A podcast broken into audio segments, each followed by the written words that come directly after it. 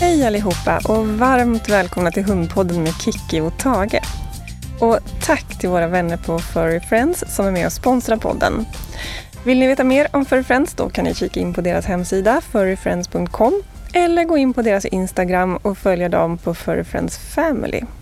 Det här avsnittet handlar om kontakt och samarbete. Och först tänkte jag börja med att resonera lite grann med mig själv om vad egentligen eh, det betyder. Vad menar jag med kontakt och samarbete? Och det här med samarbete, om jag skulle fråga Tage, min hund, vad det betyder, då tror jag att han skulle svara att samarbete, det är när jag hjälper honom att eh, öppna matskåpet så att han kan äta när han vill. Eller att jag öppnar dörrar när han ber om det. Eller kanske att jag släpper ut honom i skogen så att eh, han får göra det han älskar mest, det vill säga spåra efter hare. Så Tage ser ju det här ur lite egocentriskt perspektiv kanske. Men å andra sidan är det det jag upplever att vi hundägare ofta gör också, inklusive mig själv. Att vi ser gärna samarbete som att hunden gör det vi vill att den ska göra. En hund som gillar att samarbeta eller som är duktig på att samarbeta är en hund som gör det vi vill i olika situationer.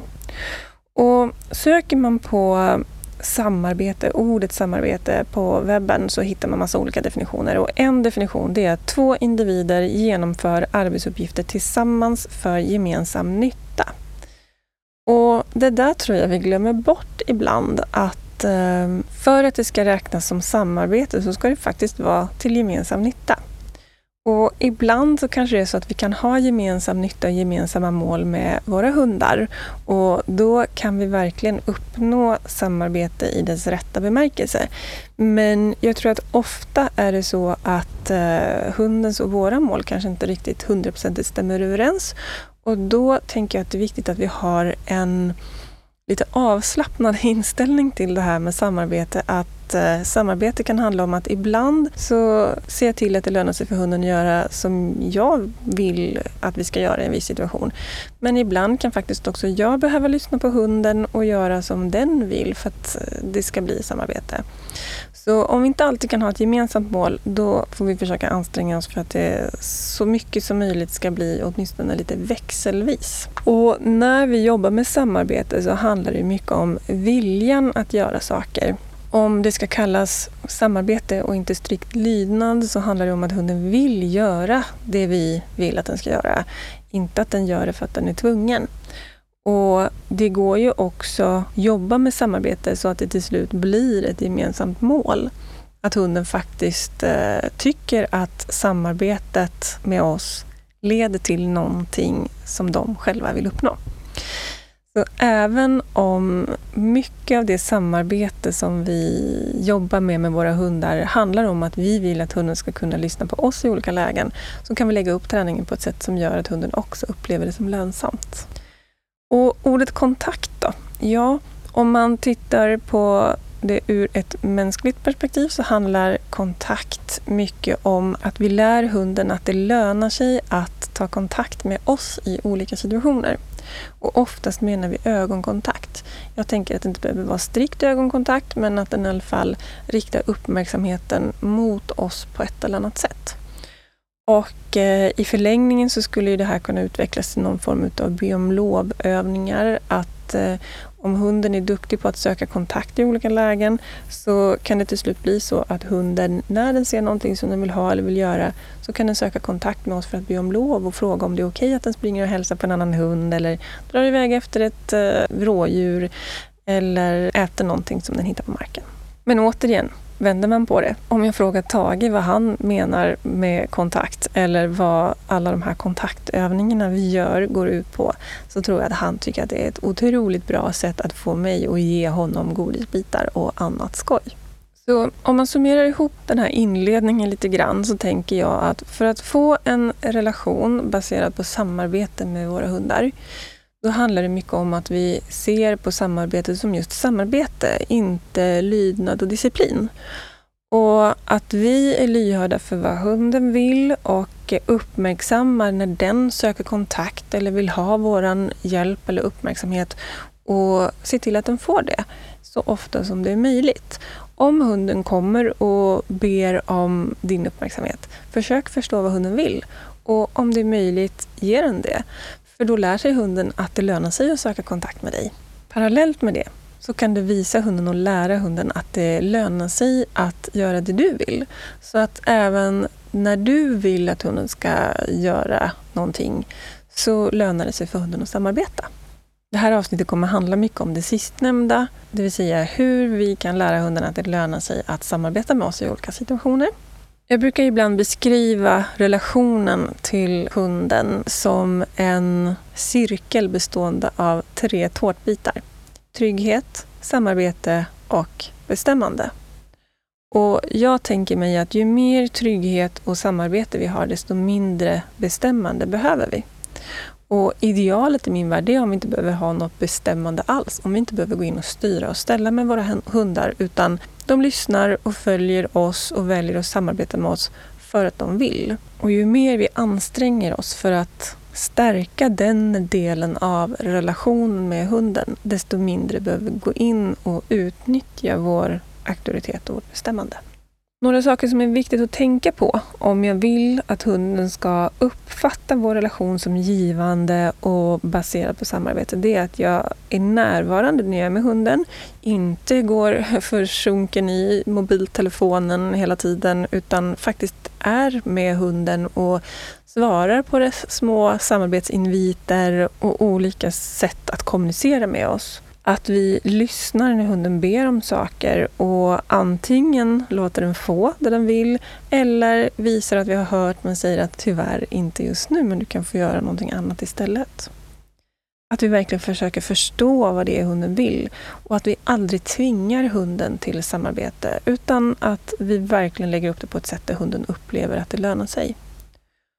Och För att det här ska funka, då är det viktigt att vi börjar lägga grunden i lugna situationer om vi inte har ett bra samarbete när det bara är vi två i en störningsfri situation, hur ska det då funka när det finns massa saker omkring som stör? Ofta försöker man gå in och lösa problemen där de uppstår. Om man har utmaningar att eh, hunden inte gör det vi vill i olika situationer eller jag känner att jag inte når fram till hunden. Då kan jag inte lösa problemet där, utan jag måste lägga grunden någon annanstans. Jag måste börja i ett läge där hunden eh, är mottaglig för att samarbeta med mig. Så ofta måste man lägga grunden för samarbetet hemma, inomhus eller ute i situationer där hunden är så lite distraherad som möjligt. Och exakt vilka situationer det här handlar om, det kan variera från hund till hund. Jag hade en daghund tidigare som heter Oscar, en engelsk setter. Och när jag började ha honom på dagarna så var han väldigt, väldigt jaktgalen på promenaderna när jag gick med honom. Settrar är ju fågelhundar och Oskar var helt manisk på att leta efter fåglar på promenaderna. Och jag tror att första promenaden jag hade med honom så fick jag knappt kontakt med honom en sekund för att han bara var helt fixerad vid eh, fåglarna. Och jag tränade jättemycket med honom. Jag gjorde samarbetsövningar och kontaktövningar och framförallt på promenaderna. Och kom väl sakta men säkert framåt men den stora skillnaden blev när jag började träna tricksträning med honom. Jag började egentligen med tricksträning bara för att jag ville lära mig mer om hundträning och passade på att välja någonting som, som var helt odramatiskt, det vill säga lära in olika roliga tricks. Och den positiva effekten av det här var utöver att vi hade väldigt kul tillsammans och lärde oss en massa roliga tricks, så var det att vi började träna inomhus i en miljö där ingenting annat störde och där vi gick all in i vår nya hobby. Och där började vi lägga grunden för vår relation och framförallt samarbetsdelen av relationen. Där konkurrerade jag inte med några fåglar utan Oskar tyckte att det var superkul att hålla på och träna de här tricksen och började se mig som en tillgång. Och genom att han eh, gjorde det jag ville så fick han godis och lek, det vill säga saker som han ville ha. När vi hade tränat tricksträning ett tag inne, då kunde vi ta ut de enklaste tricksen och göra dem ute i lite lagom svåra situationer. Det vill säga inte när det flög fullt med fåglar runt omkring utan där det var så lite fåglar som möjligt. Och där började vi bygga vårt samarbete även på promenaderna.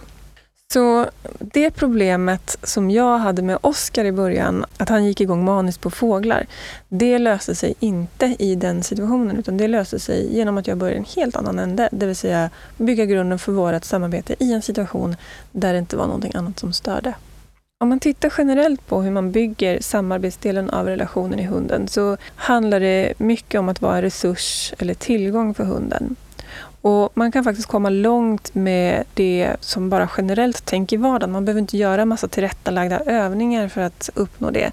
Vi kommer dock till lite tillrättalagda övningar längre fram i avsnittet, men eh, mycket kan man göra bara genom att tänka på att försöka se saker ur hundens perspektiv och fundera på hur kan jag vara en resurs för min hund? Hur kan min hund uppleva att jag är en tillgång i vardagen?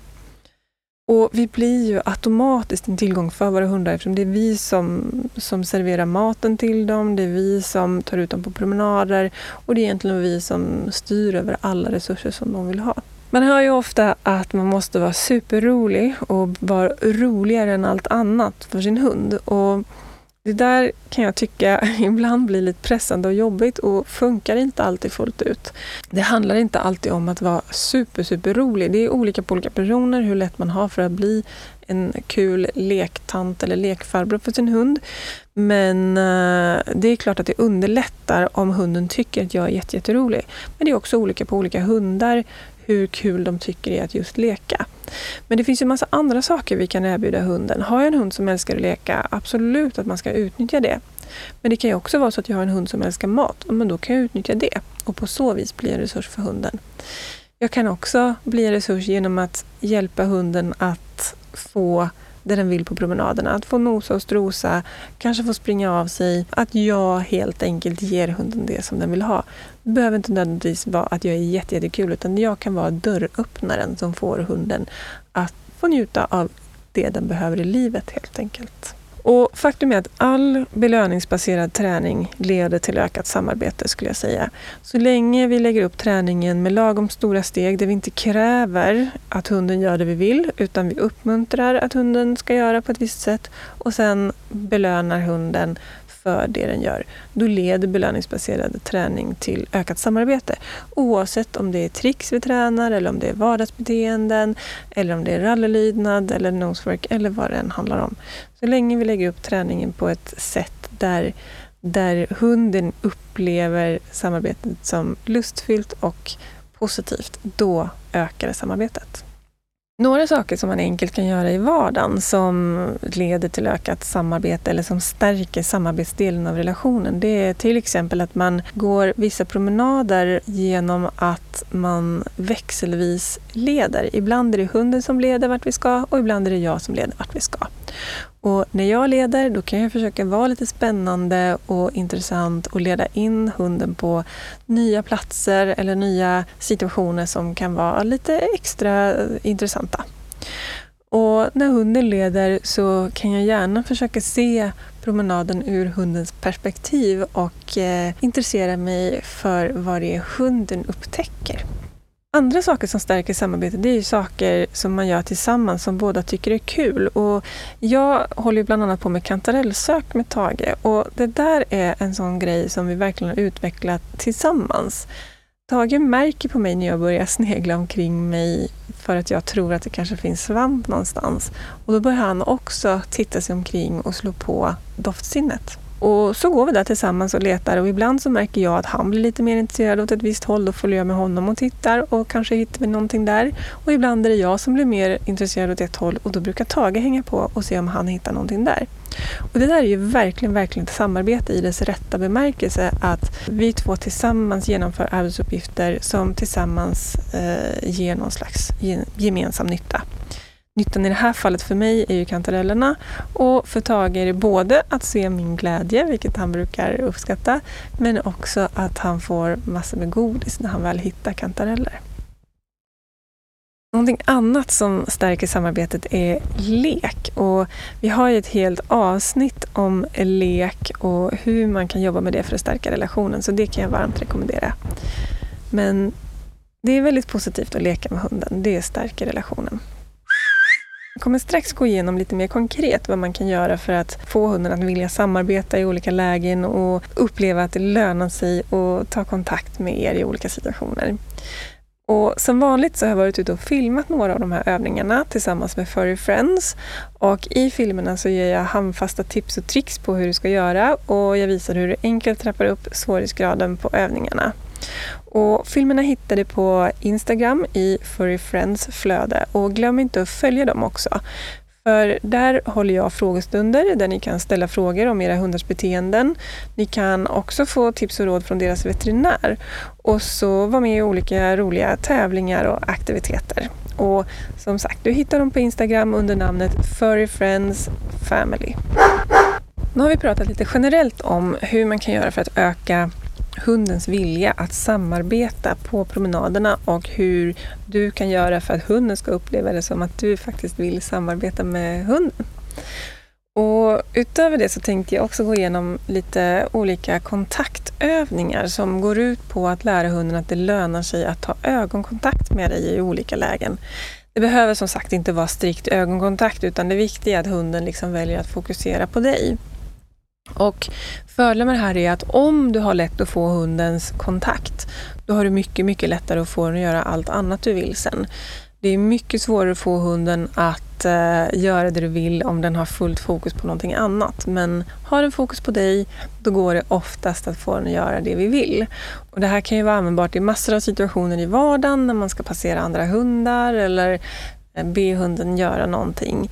Men det kan också vara användbart om vi vill träna någon hundsport eller vad det nu kan handla om. Och Det långsiktiga målet med de här kontaktövningarna, det skulle kunna vara att hunden till slut ber om lov i olika situationer. Eller åtminstone har lätt att fokusera på det i alla möjliga situationer. Den första övningen jag tänkte berätta om kallar jag för godistanten. Och den går ut på att vi har en godisbit i handen som vi tar undan bakom ryggen och när hunden tittar upp så får den godisbiten. Och första steget är att du har hunden framför dig, visar att du har en godisbit, tar in handen bakom ryggen och bara väntar på att hunden tittar upp. Hunden får gärna prova sig fram och testa olika strategier för att få godisbiten. Det gör ingenting om den hoppar upp på dig eller om den provar att skälla eller krafsar dig på benet. Men vänta ut tills hunden slänger upp en blick i ansiktet och då belönar du med godisbiten. Det är viktigt att vara i en störningsfri miljö i början för att annars kommer det vara massa andra saker som distraherar hunden och då kommer du nog inte lyckas att komma på vad det är som du vill att den ska göra. Helst vill jag att hunden ska komma på på egen hand att det är ögonkontakten som lönar sig. Men om den inte gör det så kan du hjälpa den lite på traven i början. Gör något litet ljud från munnen som hjälper hunden att titta upp och så belönar du.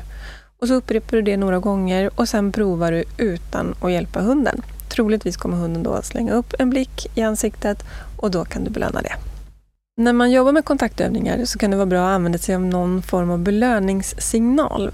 Belöningssignal är ett ljud som markerar rätt beteende och som betyder att det där var rätt, här kommer en belöning. Och exempel på belöningssignal kan vara klicket från en klicker. Det kan också vara en muntlig belöningssignal och min muntliga belöningssignal det är ordet yes. Så för Tage så betyder ljudet från en klicker eller ordet gäster det betyder exakt samma sak. Det vill säga, det där var rätt, här kommer belöningen. Belöningssignalen ska alltid följas av en riktigt bra belöning, till exempel en smarrig godisbit. Och I kontaktövningen så är det viktigt att vi tajmar precis när hunden råkar slänga upp en blick i ansiktet. Så därför är det lite extra viktigt att ha en belöningssignal, särskilt i början. Så när du gör övningen, visa att du har en godisbit, ta in handen bakom ryggen, vänta tills hunden tittar upp, ge belöningssignalen och så fort som möjligt godisbiten.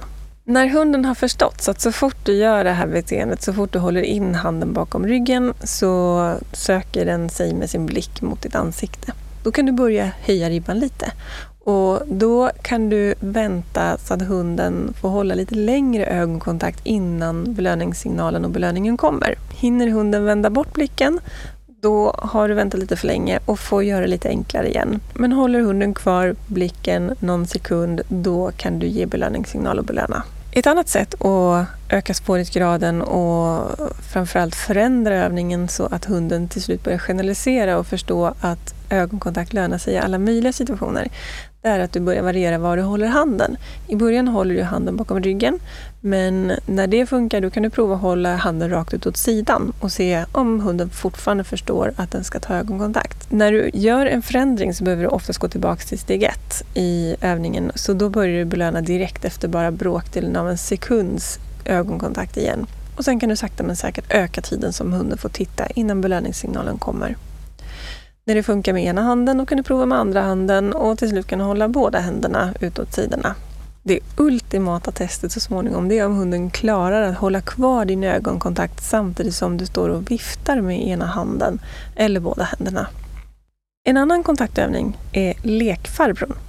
Lekfarbrorn är egentligen exakt samma övning som godistanten men vi använder lek som belöning istället för godis.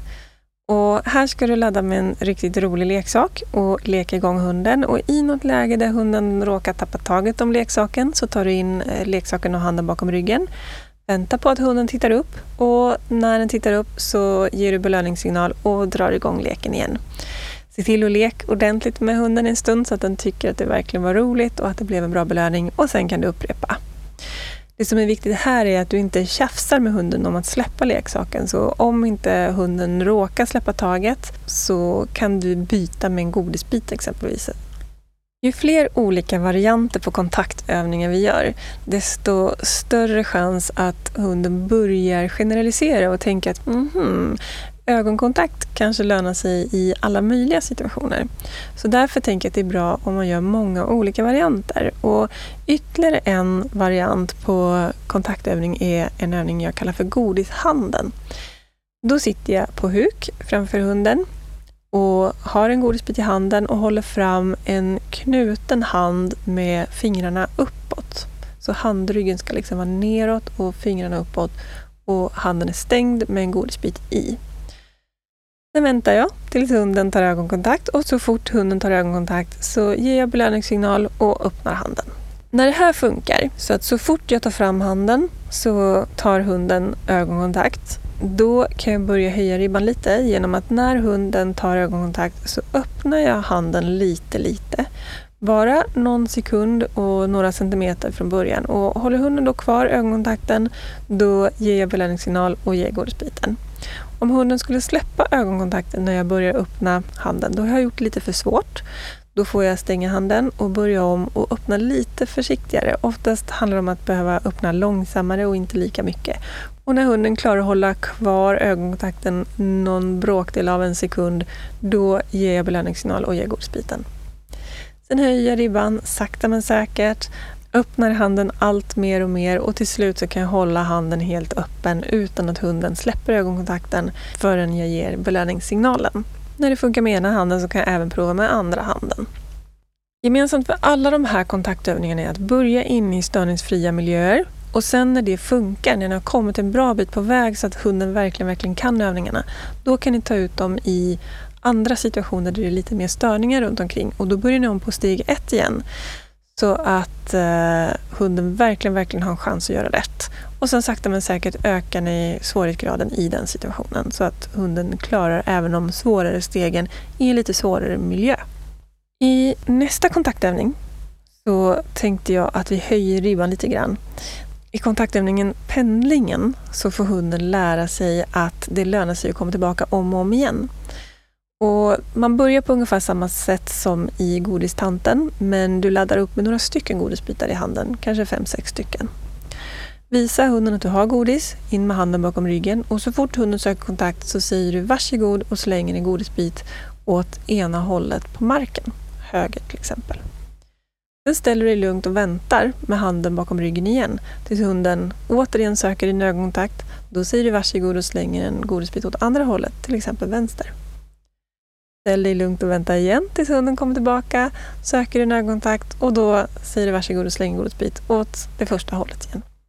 Du slänger godisbitar växelvis åt höger och vänster sida så fort hunden tar ögonkontakt och det är därför den kallas för pendlingen. Så genom den här övningen så lär sig hunden att det lönar sig att komma tillbaka om och om igen och söka din kontakt för där kan det löna sig att vara. Och när pendlingen funkar, då kan man börja göra det här i rörelse. Eh, I pendlingen så står vi stilla, men det kan också vara bra att hunden lär sig att det lönar sig att söka kontakt med mig när vi går framåt på promenaden. Och då kan vi göra övningen Godisfontän, som i princip är pendlingen fast i rörelse. Och jag tycker det brukar vara lättast att göra den här genom att backa bort från hunden och hunden följer med. Så att jag går baklänges men hunden går framför mig eh, framlänges, nos mot näsa. Och när hunden går mot mig och tittar upp i mitt ansikte så säger jag varsågod och kastar godisbiten åt ena hållet. Väntar på att hunden följer efter mig igen. Jag fortsätter gå hela tiden. Hunden får söka sig i kapp mig och när hunden tar kontakt igen så säger jag varsågod och slänger åt andra sidan. Och så håller jag på sådär fram och tillbaka. När det funkar bra att göra här där jag backar baklänges, då vänder jag och går framåt igen och hunden följer med vid min sida troligtvis. Eh, men den behöver egentligen inte vara vid min sida, den kan vara var som helst runt omkring mig. Men så fort den söker min kontakt så slänger jag en godisbit åt ena hållet. Och när den söker kontakt igen så slänger jag godisbit åt andra hållet. Den här övningen, godisfontänen, är en superbra övning att göra då och då på promenaderna för att då lär sig hunden att det lönar sig att hålla fokus på mig när vi rör oss framåt på en promenad. När man har gjort alla de här kontaktövningarna i både störningsfria miljöer och sen så småningom i miljöer där det är lite mer intensivt runt omkring. Då kommer troligtvis hunden börja bjuda på kontakt i lite alla möjliga olika situationer i vardagen. Och då ska du passa på att belöna det och uppmärksamma det. Och belöningen kan vara allt som hunden uppskattar. Det kan vara beröm, det kan vara lite småprat, det kan vara en godisbit som den får fånga i luften, det kan vara en godisbit den får söka efter bland blåbärsriset. Det kan vara att den får hoppa upp på en sten och göra ett trix eller att den får en busestund, att vi springer några hoppsasteg tillsammans med hunden. Allting som hunden uppskattar kan du använda för att belöna och uppmärksamma att hunden spontant tar kontakt på promenaden.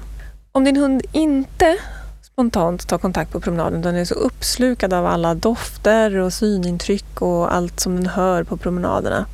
Då kan du prova efter en tids eh, träning med de här kontaktövningarna att bara stanna upp lugnt och stå still på promenaden. Kanske kommer hunden då på att oj, just det, matte eller husse är ju här också och söker kontakt och då kan du belöna det och sen gå vidare. Så kan du fortsätta med det här, stanna upp då och då, vänta på kontakt och belöna. Stanna upp igen, vänta på kontakt och belöna. När du har gjort det här då och då på promenaden under några dagar, då kan du prova vad som händer om du bara saktar ner lite på tempot. Kanske bjuder den på kontakt då och då kan du belöna det. Och så småningom, förhoppningsvis, så börjar den bjuda spontant på kontakt även när du håller ditt vanliga tempo. Mm, där fick du några tips på kontaktövningar vars syfte alltså är att visa hunden att det lönar sig att ta ögonkontakt med dig i olika situationer. Utöver de rena kontaktövningarna där vi jobbar mycket med ögonkontakten så brukar jag också rekommendera några olika följsamhetsövningar som mer handlar om att hunden följer med i den riktning som du rör dig. Dels brukar jag göra en övning jag kallar för backaövningen som man gärna kan kombinera med någon form av häråt-ljud, någonting som betyder att nu tar vi oss åt ett annat håll för att få hunden till sig. Jag märker ofta på hundkurser och så att när man vill ta kontakt med sin hund så är det lätt att vi liksom går mot hunden. Och det får ofta motsatt effekt. Antingen så känner hunden att Jaha, nu följer matte eller husse med mig så då kan jag fortsätta i den riktningen jag var på väg. Eller så känner hunden att det blir lite pressat så att den går undan. Om vi istället rör oss lite busigt i riktning bort från hunden, då brukar den följa med oss. Och backaövningen går ut just på det, att vi då och då backar busigt bort från hunden och så belönar vi att den följde med. Och belöningen kan vara lek eller godis eller vad som helst som hunden uppskattar. Och det här kan man gärna kombinera med ett specifikt häråt-ljud. Det kan vara att man säger häråt eller att man visslar eller smackar eller gör någonting som vi så småningom kan använda för att få hundens uppmärksamhet och få den att följa med i vår riktning. Och Då gör man helt enkelt så att man först säger ljudet och sen så backar man buset bort från hunden och så belönar man. En annan bra följsamhetsövning det är att man då och då byter riktning på promenaden och berömmer och belönar hunden när den följer med.